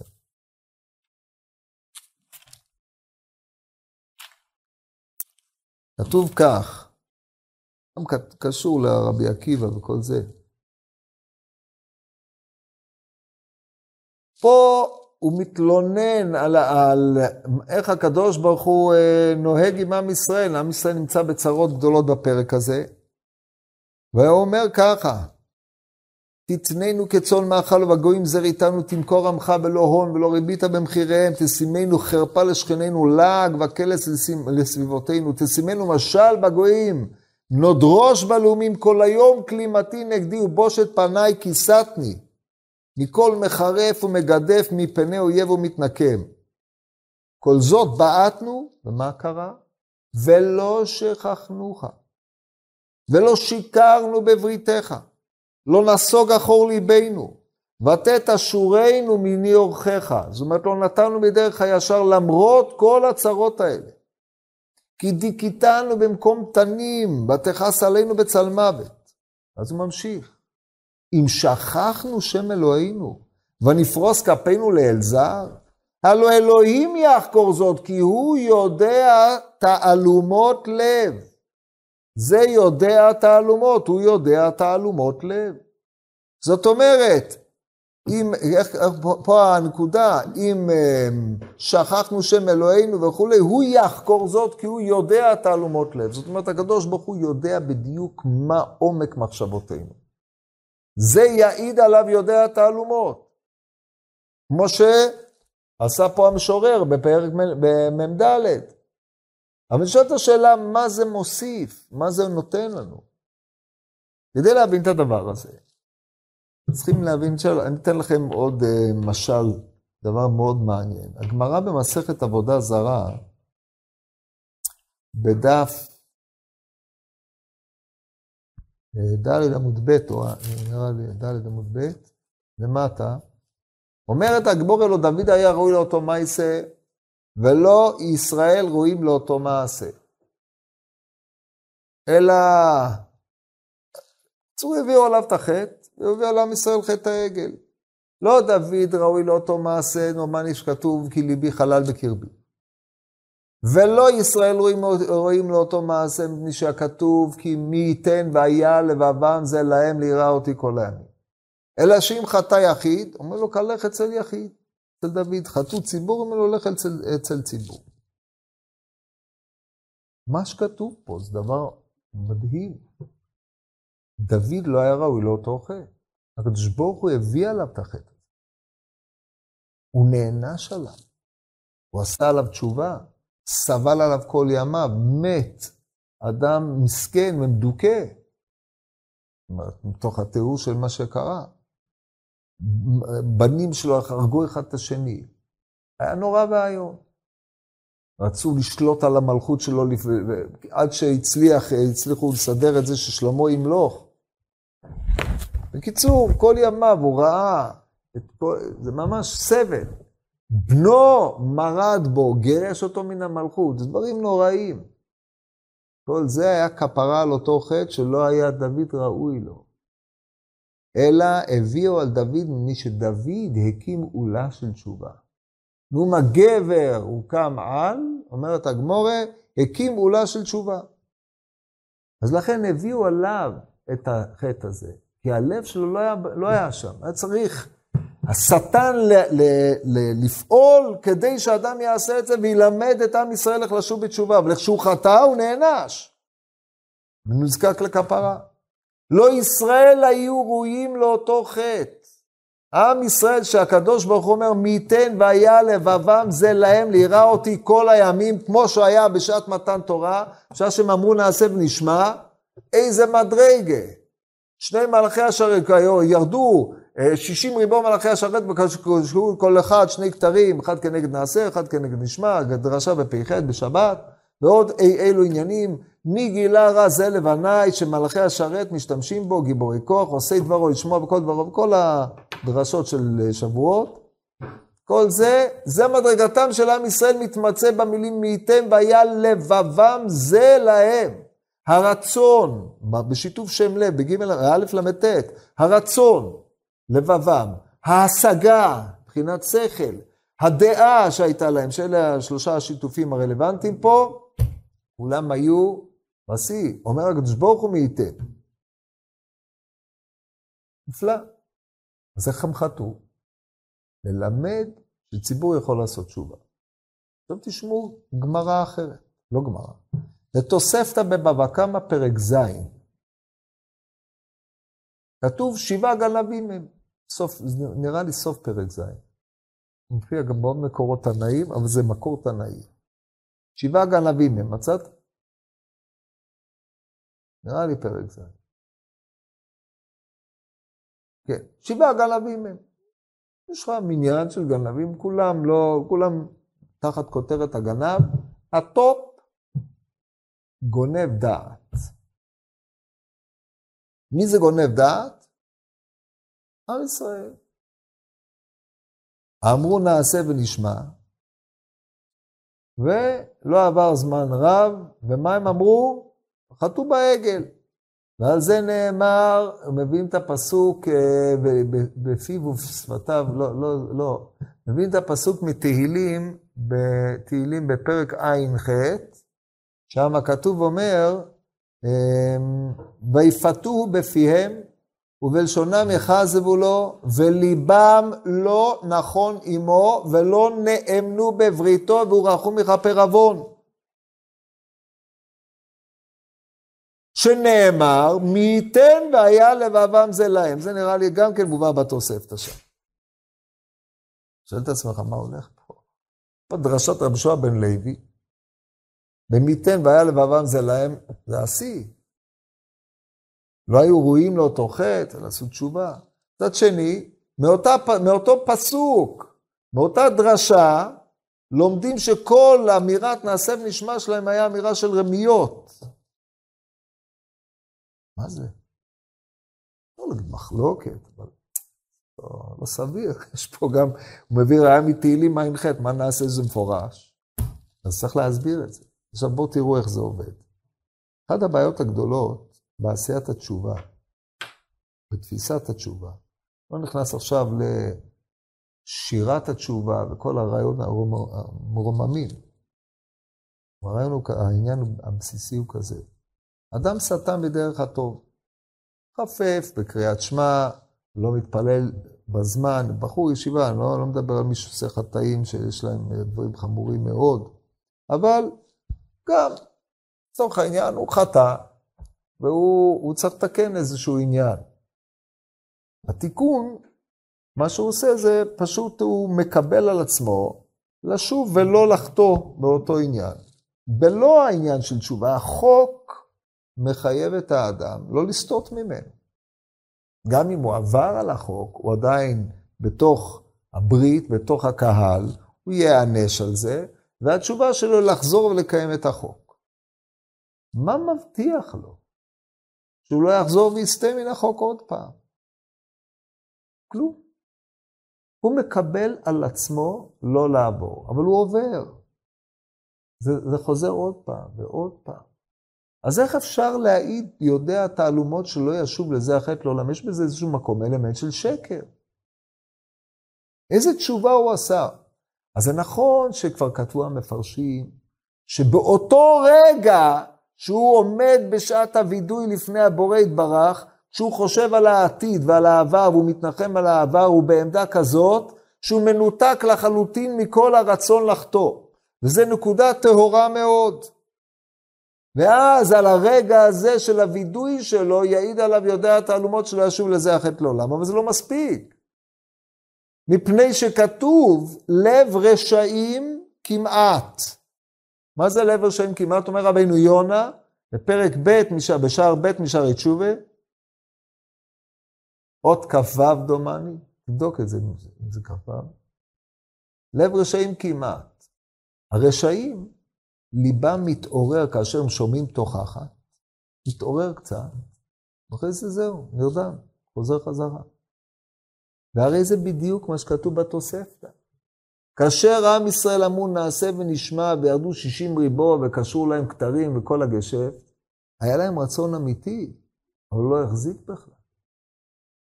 ולכן רטרואקטיבית, מה זה אומר? שהוא היה כמעט, מבחינת לב רשעים כמעט. מצאת את זה? טוב, לב רשעים כמעט. מה? כן, אמרתי, פעם, יש ככה. אז שם אומר את הדברים האלה, לא, זה לא יאומן. וזה מה שמתכוונת התוספתא. אז לכן זה לא תירוץ מספיק להגיד שהכנות שיש לו בשעת הווידוי היא זו שקובעת. זה לא, לא מועיל כלום. זה לב רשעים, ככה רבינו יונה רואה את זה, וככה התוספתא רואה את זה. אז מה המשמעות הדברים? עכשיו, כדי להבין את זה לעומק, אתם צריכים לראות את זה כך. אחד, אחד העניינים היסודיים שמבדילים בין היהדות לבין דתות אחרות, נצרות בעיקר, זאת אומרת, זה קריאת תגר של הנצרות על היהדות, שהם טענו, הכל בלב, אתה לא צריך מעשים. כל, איפה שהלב שלך נמצא, שם אתה נמצא. תעבוד את השם בלב, עזוב את המעשים, המעשים, דבר... בכוונת הלב, תהיה אדם טוב, ועוד אי, אילו אמירות תפלות, ובזה אתה נושעת. אבל במקרה, באופן הזה, דת ישראל, תורת ישראל יוצאת כנגד זה בחריפות יתרה, כמו שהרמב"ם העמיד את הדברים בצורה חדה וברורה. האדם נשלם לא במחשבה ולא בדיבור, אלא במחשבה, דיבור ומעשה. המעשים שהוא עושה, קיום מצוותיו של הקדוש ברוך הוא, ועשיית רצונו, הליכה בדרכיו, הם אלה שמשלימים את האדם. בלי זה, האדם הוא לא אדם, הוא חסר. האדם לא עובד את השם. עכשיו, יש עוד אלמנט. בלי שהקדוש ברוך הוא מחוקק לך חוק, פה אלה, זה, אלה עניינים עמוקים, צריך לערער בהם הרבה, אבל אני אתן לכם את העניינים, תחשבו על זה הרבה. צריך לחשוב על זה הרבה. בלי שיש חוק, ואנחנו מכירים את החוקים המשפטיים, והחוק הזה הוא מעל ההבנה שלך. ואתה מקיים אותו מפני שהבורא יתברך חוקק לך חוק, כך שאתה לא משועבד להבנה שלך את העולם, לאופן שבו אתה מפרש את המציאות, לערכים שאתה המצאת, אלא יש משהו שהוא מעל הערכים שלך, וזה בחינת חוק, שאתה צריך לשאוף לחפש לו טעם, אבל אתה עושה אותו לא מחמת הטעם שאתה מחפש, אלא מפני שיש בורא שציווה אותך, ואתה עושה. הוצאתי אתכם, איך, איך כתוב שם? אנוכי השם אלוקיך אשר הוצאתיך מארץ מצרים, אני הוצאתי אותך מארץ מצרים, אתם לי עבדים. והחוק, או מערכת החוקים, היא השיעבוד של האדם כלפי מישהו שהוא מעליו. הוא לא עובד את הגחמות שלו, את הערכים שהוא המציא, שהם פעם ככה ופעם ככה, אלא הוא עובד משהו שהוא מוחלט מעליו. זה החשיבות היתרה של חוק. לכן דווקא בחוקים ומשפטים אדם זוכה לעולם הבא, שנאמר, אמ, שנאמר, אשר יעשה אותם האדם וחי בהם. תרגם אונקלוס, שם חי בהם לעולם הבא. הביא את זה הרמב"ם בפרק ח' מהלכות מילה בסופו. על יסוד החוקים והמשפטים והחוקים. ובחוקים, והוא מדגיש את החוקים, בזה אדם זוכה לחיי העולם הבא. מפני שבזה האדם מתעלם מעל העצמיות שלו, מעל ההוויה שלו, והוא משעבד את עצמו למי שלמעלה ממנו. אף על פי כן אדם צריך להשתדל, ותכף נגיע לזה. אלא מה? הסכנה עם החוק, כמו סכנה עם כל דבר אחר, הוא יכול להפוך להיות מאובן. אדם הופך להיות רוטינה, הוא חי חיי אוטומטיסט, עובד ברוטינה בלבד, כמו שאמר הנביא, בזה הלשון. ישעיהו פרק כ"ט, אומר הנביא,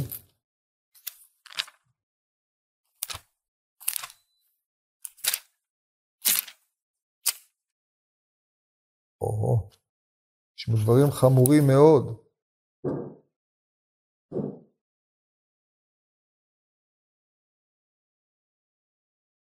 התמהמהו, טמאו, השתעשעו ושואו, שחרו ולא יין, נעו ולא שיכר, כי נסח עליכם אדוני רוח תרדמה, ויעצם את עיניכם, את הנביאים ואת ראשיכם החוזים כיסה. הרדים אתכם. בקיצור, זה מה שכתוב למי שמכיר, השמן לב העם הזה ועיניו אכבד ואוזניו השע. עם הרמב"ם בביאורו הנפלא בפרק ו' מהלכות תשובה. פרק ה' או ו'. אתם חייבים לדעת את הדברים האלה. עכשיו תקראו את זה.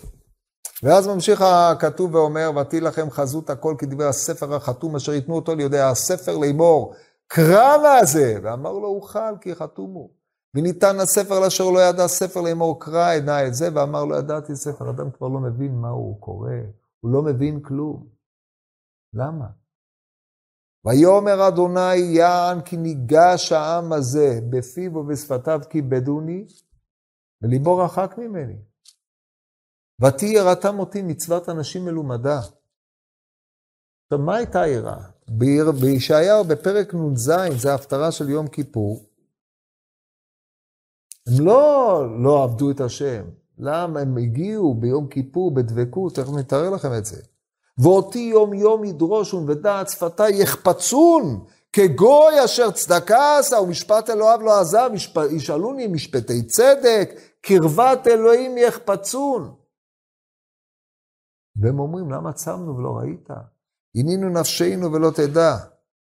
הם ביום צומכם תמצאו חפץ וכל עצמכם תעצבו. זאת אומרת, בעצם מה הטענה, וזו טענה שחוזרת בישעיהו א', כן, חזון ישעיהו בן אמוץ, שימוש שמיים ואזים ארץ כאשר דיבר, החזון הזה הוא נעשה ביום כיפור, בבית המקדש. למה לי רוב זבחיכם, אמר השם, שבעתי עולות אלים וחלב מרעים. מה הטענה שלו? כלומר, אתם עבדתם, אתם עובדים את החוק, אתם לא עובדים אותי. אתם השתעבדתם לספר, ותהי יראתם אותי מצוות אנשים מלומדה. החוק הפך להיות חזות הכל. הלב שלכם נאטם. אתם משועבדים לרוטינה דתית, וכאשר הדבר הזה לא עולה בקנה אחד עם השאיפות שלכם, אתם בצד, אתם יכולים לרמות, לשקר, ואחרי זה לבוא ולעמוד בבית הזה ולומר, ניצלנו, לעשות את התועבות האלה, כמו שאומר הנביא בירמיה ז'. המערת פריצים היה הבית הזה. עכשיו, התופעה הזאת היא מאוד חריפה בנביא, אבל היא תופעה שכל אחד באיזשהו מקום נכנס לקיום רוטינה כזאת של מצוות. הוא עושה אותם באשר הם רוטינה. זה כמעט מתחייב. פעם אחר פעם, ובאיזשהו מקום הוא לא עושה אותם טוב. אז הוא עושה וידוי, מתוודה, בזה עשיתי ככה, וביום הזה לא ככה. ועכשיו לא ככה, ועכשיו אני אחזור לעשות את זה עוד פעם. הווידוי הזה והאמירה שאני אחזור ולא אז שוב לדרך הזה עוד, אין פה שום שינוי תפיסה ביחס לאותן עבירות שהוא עבר. אז הוא סטה, חוזר חזרה לאותו דרך שהיא עבירת עבודת חוק, יבשה. איפה הקדוש ברוך הוא בתוך המערכת? הוא הסיבה שבגללו הוא עובד את החוק. אבל הוא עובד את החוק, איפה הלב שלו? בפיו ובשפתם כיבדוני בליבה, בפיו ובשפתם וליבם רחק ממני. ותהי יראתם אותי מצוות אנשים מלומדה. מלומדה. היינו הרוטינה, היא זו שהשכיחה בכלל אותי. ובאיזשהו מקום האדם לא יכול בלא זה, כי הוא חי חיים דתיים, החיים הדתיים הללו נותנים לו משמעות, נותנים לו את הפולקלור המתאים, נותנים לו את החוויות ההולמות, את הניגונים המתאימים, את כל העסק הדתי, הוא מרגיש טוב בתוך העניין הזה, והוא חי את זה. זה יפה, מצוין, ממש טוב, אבל באיזשהו מקום, כשהוא חוטא, הוא חוזר לאותו מסלול, הוא מקבל על עצמו לחזור לאותו מסלול, והוא יסטה מאותו מסלול כמו שהוא סטה בפעם שעברה, ושום דבר לא ישתנה. זה הטבע האנושי.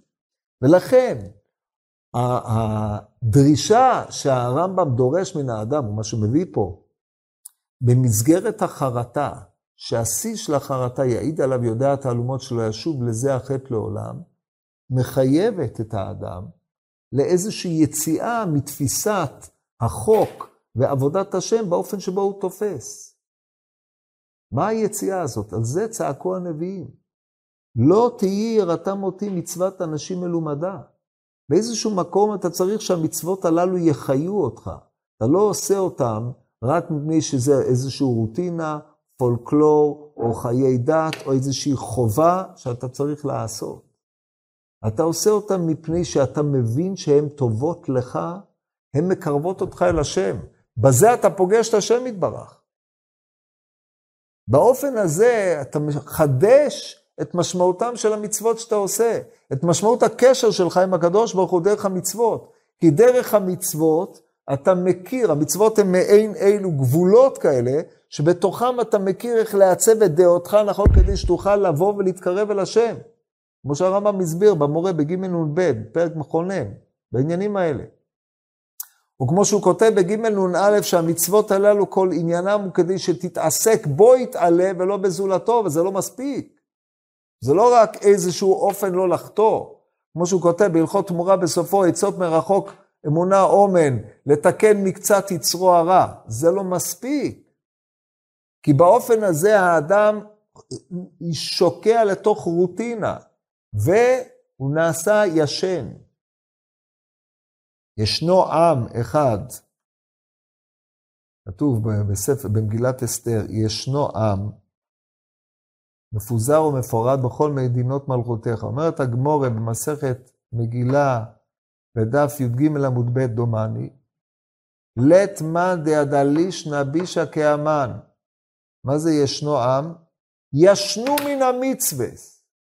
נראה לכם שהם ישנו מן המצוות? הם הקפידו. הקפידו כשרות, בסעודה של אחשורוש, שם היה שם את כל ההכשרים, כל... זאת לא הייתה בעיה שהם אכלו טרף, נהנו מסעודתו של אותו רשע, אבל הם הקפידו על כל החוקים, אבל ישנו מן המצוות. המצוות הפכו להיות ישנות.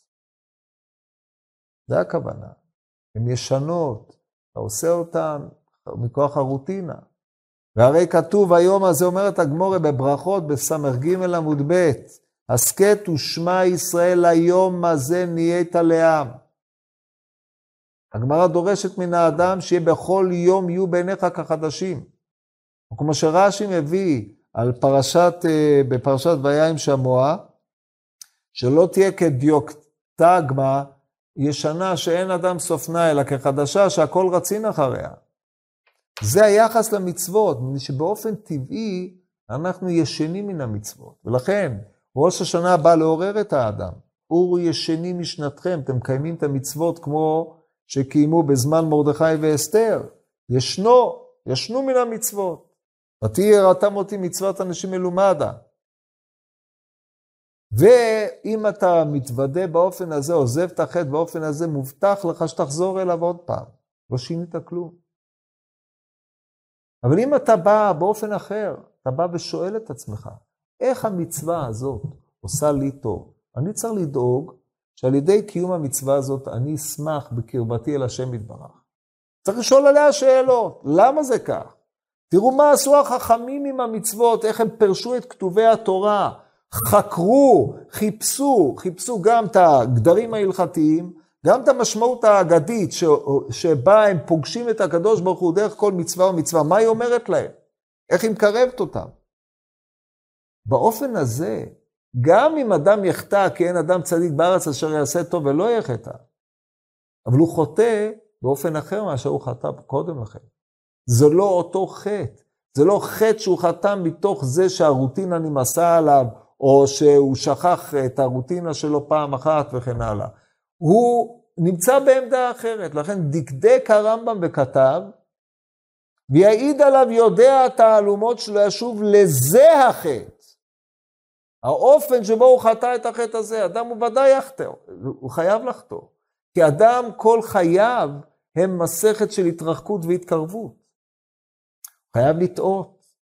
בלי טעות הוא לא חי.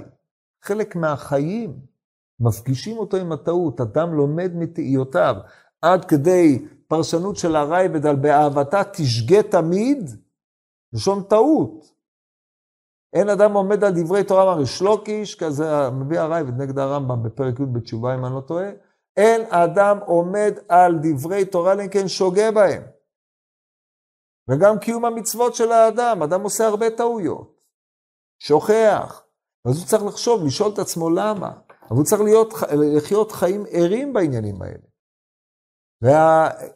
והטבע וה, האנושי מרדים, אבל ככל שאדם מרגיל את עצמו להיות יותר ער למה שהוא עושה, יותר מבין את מה שהוא עושה, שואל על מה שהוא עושה, לא מקבל שום דבר כמובן מאליו, לא חיי דת טפלים. שהם רוטינה שאתה צריך לעשות, ואתה חושב שמכניסים לך לתוך האוצר, עשית, שמים לך וי, יש לך עוד מצווה ויש לך עוד עבירה. זה לא עובד ככה. המצוות הללו צריכים לעצב את האישיות של האדם, לא לעבור לידו. הם צריכים להיות דברים שמחיים אותו. זה העיקר שבהם.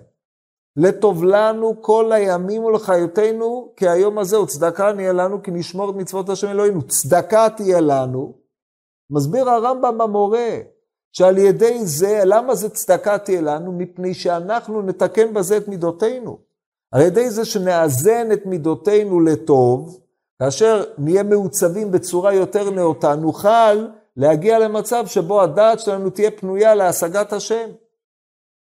אבל כל עוד אנחנו שקועים בתוך הרוטינה של החיים שלנו, מה שהרמב"ם אומר בחלק השני של אורי ישני, אלה השוגים כל ימיהם באבלי הזמן, והם שוגים כל ימיהם באבלי, באבלי הזמן, בהבל בריק אשר לא יועיל ולא יציל. אז אתה יכול לקיים מצוות ולהיות, הראש שלך שקוע כל הזמן בהבל בריק אשר לא יועיל ולא יציל.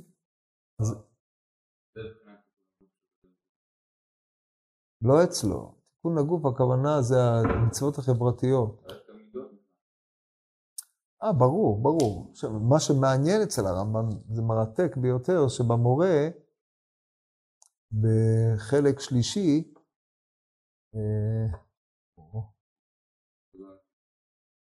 אני יודע, אני יודע, לא על זה. ואחרי זה הוא ממיין את המצוות לקבוצות. והקבוצה הרביעית היא המצוות שמופיעות בספר זרעים. ובכללם, מתנות עניים. היא לא כלולה במצוות שבין אדם לחברו. יתרה מזאת, שהרמב"ם בג' נ"ג במורה מדבר על המונח צדקה. הוא מביא דוגמה, או כן, כשהוא מסביר את הצדקה, על מה שכתוב במשכון, כתוב אה, אה, לגבי השבת המשכון, ושכב בשלמתו ובירכך, ולך תהיה צדקה לפני השם אלוקיך. היית שואל כל מישהו, השבת משכון זה בין אדם למקום או בין אדם לחברו? מה היו אומרים? לא צריך להגיד, הרי ברור מאליו, אני מחזיר לו את המשכון, מה זאת אומרת? הרמב"ם, לא. צדקה, הוא שכב בשלמתו וברכך, ולך תהיה צדקה. עשית צדקה עם נפשך, בזה שהתגברת על מידותיך והאזנת אותם. רוב המתן שאדם נותן לאחרים, בא לתקן את מידת האגואיזם שלו, את היכולת שלו להסתכל על האחר. להתבונן בצרת האחר ולא להיות שקוע כל הזמן בעצמו, זה חלק מתיקון, מהתיקונים הגדולים של מצוות המעשר והתרומה, וזה הרמב"ם בחלק הרביעי, במצוות הרביעיות, זה התיקון, זה תיקון של האדם עצמו. וזה הצדקה תהיה לנו שנשמור את מצוות השם אלוקינו. לא שאנחנו עושים לאף אחד טובה, הרי אם צדקת מה תיתן לו. לא נותנים לו כלום. אבל לנו תהיה צדקה, כי בזה הצדקה זה כאשר אנחנו נותנים לנפשנו את הדבר המתאים לה באמת, שהיא זוקקת איזון, וזה תפקידם של המצוות. לכן כאשר אתה מקיים את המצוות, אתה צריך לראות למה הם לטוב לנו ולמה הם מתקנים את נפשותינו, וההרחבה באופן הזה מביאה אותך שאם חלילה עברת למצווה, אתה מצטער על זה, מפני שבעצם פגמת בנפשך. חיסרת משלמות עצמך ומהאפשרות להתקרב אל השם יתברך יותר, שהתכלית היא הדבקות בו יתברך, כמו שאנחנו רואים, ואתם הדבקים בהשם אלוקיכם חיים כולכם היום. החיות היא חיות מתוך אה, ידיעה, אהבת השם וידיעתו, זה עיקר החיים. והדבר הזה הוא לא רק עבודה שכלית, אלא היא מחייבת את כל שיעור הקומה. כי בלי שאתה מתקן את המעשים שלו, את הרגשות שלו, מעצב אותם נכון, מתקן את המחשבות שלו, אז הדעה שלו על השם היא לא יכולה להיות, היא לא דעה מכוונת, לא דעה נכונה. וזו עבודה של שנים. לכן הווידויים והתשובה שאנחנו עושים ביום כיפור, הם שלב על גבי שלב מתווספים למסכת שלמה של בניית האישיות. או כניסוח של איזה מישהו שאני לא נזכיר את שמו, האדם הוא תהליך. ומבחינתנו, אצלו זה תהליך לדבר מסוים, אצלנו התהליך הוא תהליך ההתקרבות שלו אל השם. והדבר הזה בא לידי ביטוי בצורה חריפה ביותר במהר"ל, כאשר שיא התשובה הוא ביום מותו, שהוא משיב את נפשו אל השם. זאת התשובה בעצמותה, כן, זה מהר"ל, בנתיב התשובה. לא צריך להוסיף, אחרי שראיתם ברבי עקיבא את העמדה שלו, זה הרי בוודאי כך. אבל גם מבחינתנו, כל יום כיפור הוא שלב נוסף. עכשיו פה, ובזה אני חייב לסיים, צריך להגיד עוד שתי הערות. הרמב"ם בהלכות תשובה בפרק ג', הלכה ד', זה ההלכה של ראש, השפה, של, של ראש השנה, אני אתן לכם רק קושייה אחת על זה. היה לכם שיעור ראש השנה עם המצווה היא התקיעה או השמיעה?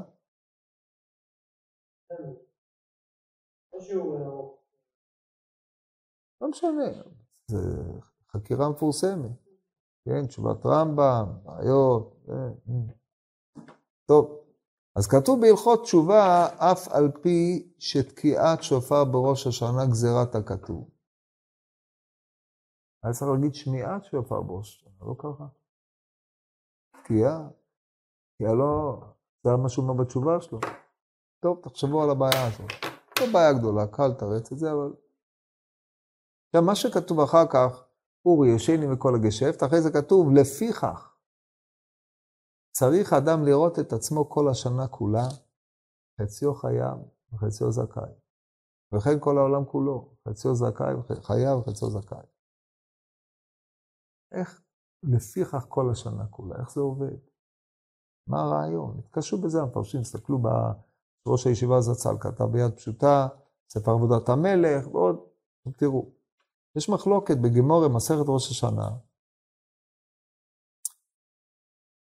מה היחס בין הדין והגזר דין? שיטת רבי יהודה, אדם דין בראש השנה, וגזר דין, כל ארבע פרקים בשנה, כל פרק ביום כיפורים נחתם, בחג על המים וכן הלאה. שיטת רבי מאיר, בראש השנה דין, יום כיפור גזר דין.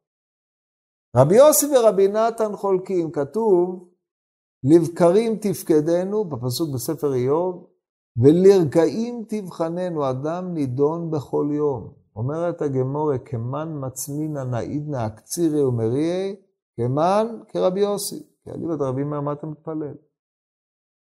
סגרו את הדין, נגמר. זה לא שאתה לא צריך לעזור, לא, לא שאתה צריך להשתדל. אם יש לך התעוררות לעזור לחולה, וזו חובה, זה חלק ממה שגזרו על החולה, שיעזרו לו גם. או שזה יצליח או שזה לא יצליח. אבל להתפלל, אם אתה הולך לשנות את הדין, זה נסגר. אין הלכה. ככה. אנחנו קיים עלן כרבי יוסי, צעקה יפה לעולם בין לפני גמר דין, גזר דין לבין לאחר גזר דין. פסק את זה הרמב"ם בפרק ג', בפרק ב' הלוך, אף על פי שהתשובה והצעקה יפה לעולם, בראש השנה יפה היא, בעשרת ימים שבין ראש השנה למקים יפה ביותר, ומיד מתקבלת. זאת אומרת, דרשו השם וימצאו. אז מה העניין? מה הרעיון של השופר? דין בראש השנה. יש דין בראש השנה. הרמב"ם כותב את זה בג' ג' בהלכות תשובה. אבל הרעיון של הדין בראש השנה, הוא לא מתמצא רק בראש השנה. הוא בעצם קורא לאדם לדון את עצמו בכל יום. לדון את עצמו, אני לא יודע אם אה, הסבירו לכם על המהות הדין בראש השנה, מה זה אומר, שעיקרו של הדין שיהיה אדם בינוני. זה המהות של הדין. שהרי השופר אומר, אורי ישנים, הישן הוא לכל היותר בינוני. החידוש של השופר היא להעמיד את עצמך כבינוני. מתוך כך התשובה שלך היא בעלת ערך. אבל אם אתה נחתמת למיטה, אין לך מה לעשות תשובה, ואם נחתמת לחיים, אתה לא צריך תשובה. אבל כיוון שהשופר זה מצווה שמחויבת על כל אחד ואחד מישראל, מי זה שיכול לבוא ולומר, אני רשע? אתה מחויב לשמוע שופר. בשביל מה? שתתעורר. אבל למה אני אתעורר? אני גם אחרי שאני אתעורר, אני נחתמתי למיטה. לא, אתה בר ישראל? כן. האלה הרשעים שבחייהם קרויים מתים, זה אומות העולם. כן, כמו שאתם רואים, הם עושים את זה דווקא די טוב. אבל לגבינו, שופר מעורר אותנו להעמיד את עצמנו כבינוניים, כדי לזכות לעשות תשובה. בא רבי יוסי ואומר, אתה חושב שזה פעם אחת בשנה? זה כל יום. אבל אם היית תוקע בשופר בכל יום, היית נרדם עם השופר. זה היה הופך להיות חלק מהרוטינה הדתית שלך. כשאתה קם, גם אחרי התפילה באמצע ה-13 מידות, אם אתה אומר את זה בכל יום, אתה גם תוקע בשופר ונרדם עם ה-13 מידות וממשיך ברוטינה. לכן פעם אחת בשנה צריך לעורר אותך, אבל העיקר שבשופר זה לומר לך כל יום אתה נידון, או כל יום תעמיד את עצמך בעמדת נידון. תעמיד את עצמך בעמדת מחצה מחצה, שכל מה שאתה עושה הוא בעל ערך, יש לו משמעות, הוא משנה את כל העולם. עכשיו, זה לא הזיה ולא פנטזיה, זה באמת משנה. זה לא חשבון שלי, אנחנו לא יודעים איך. הוא קובע איך. אבל מעשה שאדם עושה כדי להיטיב עם העולם מיטיב, זה מקובל בידינו. אנחנו לא יודעים איך הדברים מתגלגלים על האדם, איך הדברים מתגלגלים על זה, כיוון שהקדוש ברוך הוא קבע בתורתו, וכך הוא מנהיג את עולמו, אז זה מה שאנחנו מאמינים בו, וזאת האמונה שלנו בגלל, וזו זכותנו הגדולה באשר אנחנו עם ישראל. חסד לאומים חטאת, אצלנו זה לא עובד כך. כן, זה הרעיון של שופר. אותו דבר עם יום כיפורים. יום כיפורים זה קץ מחילה וסליחה לישראל, אבל הוא פותח שער בפני האדם, ואומר לו התשובה והכפרה יפה לעולם. אדם חטאת, תתוודה, תעשה תשובה. יש יום אחד שהוא מעורר אותך לכל השנה, וזה אותו רעיון. ולכן, יש חשיבות יתרה ביום הזה, כי זאת גזירת הכתוב, ובאשר זה גזירת הכתוב, ככה הקדוש ברוך הוא מפעיל את חוקיו, ואם הוא אמר שהוא מוחל לך ביום הזה, אז ביום הזה נמחל לך, אבל אתה צריך להבין את משמעותם של דברים. זה לא שעכשיו, אחרי שהיית אצל הכומר, ושפכת שם את כל מה שעשית, אתה עכשיו יכול לעשות את הכל מחדש. זה לא עובד כך, אתה נקי. הדבר הזה מחייב אותך לפתוח בדרכי התשובה. הכפרה פותחת את דרך התשובה, מדרך התשובה. להיות עכשיו צועק תמיד לפני השם, בבחיר ותחנונים, עושה צדקה כפי כוחו, ומשנה משמו לאמור אני אחר, ולא אותו אדם שעשה את כל המעשים, שזה לא ישוב לזה החטא לעולם, כי אני אחר. דהיינו, התשובה צריכה לפעול בך איזשהו שינוי, שינוי תודעתי, אתה לא איפה שהיית. עכשיו, באיזשהו מקום אתה תשקע עוד פעם לתוך אותה רוטינה, אבל תשקע בתור מישהו אחר, שגם הוא צריך לצאת מהרוטינה שלו, כי החיים הם כולם תהליך. וככה אנחנו חיים את החיים שלנו. זאת אומרת, אם אנחנו חיים ככה את החיים שלנו, אנחנו חיים נכון. אנחנו בשלב של היטהרות. מפני מי אתם מטהרים ומי מטהר אתכם? אבל לעולם, אם נחזור לגישתו של רבי עקיבא, בני, אתם מטהרים ומי מטהר אתכם? לעולם צריך להיות מחזור של מטהרים ומטהר אתכם. עד השיא. שזה יום שבו אדם חוזר ופוגש את השם יתברך אחרי מותו, או עם מותו. אז זה כדי לחבר את הדברים ממה שאמרנו בהתחלה, והשם יזכנו, שנעשה תשובה שלמה, וניכתב ונחתם לחיים טובים, אמן.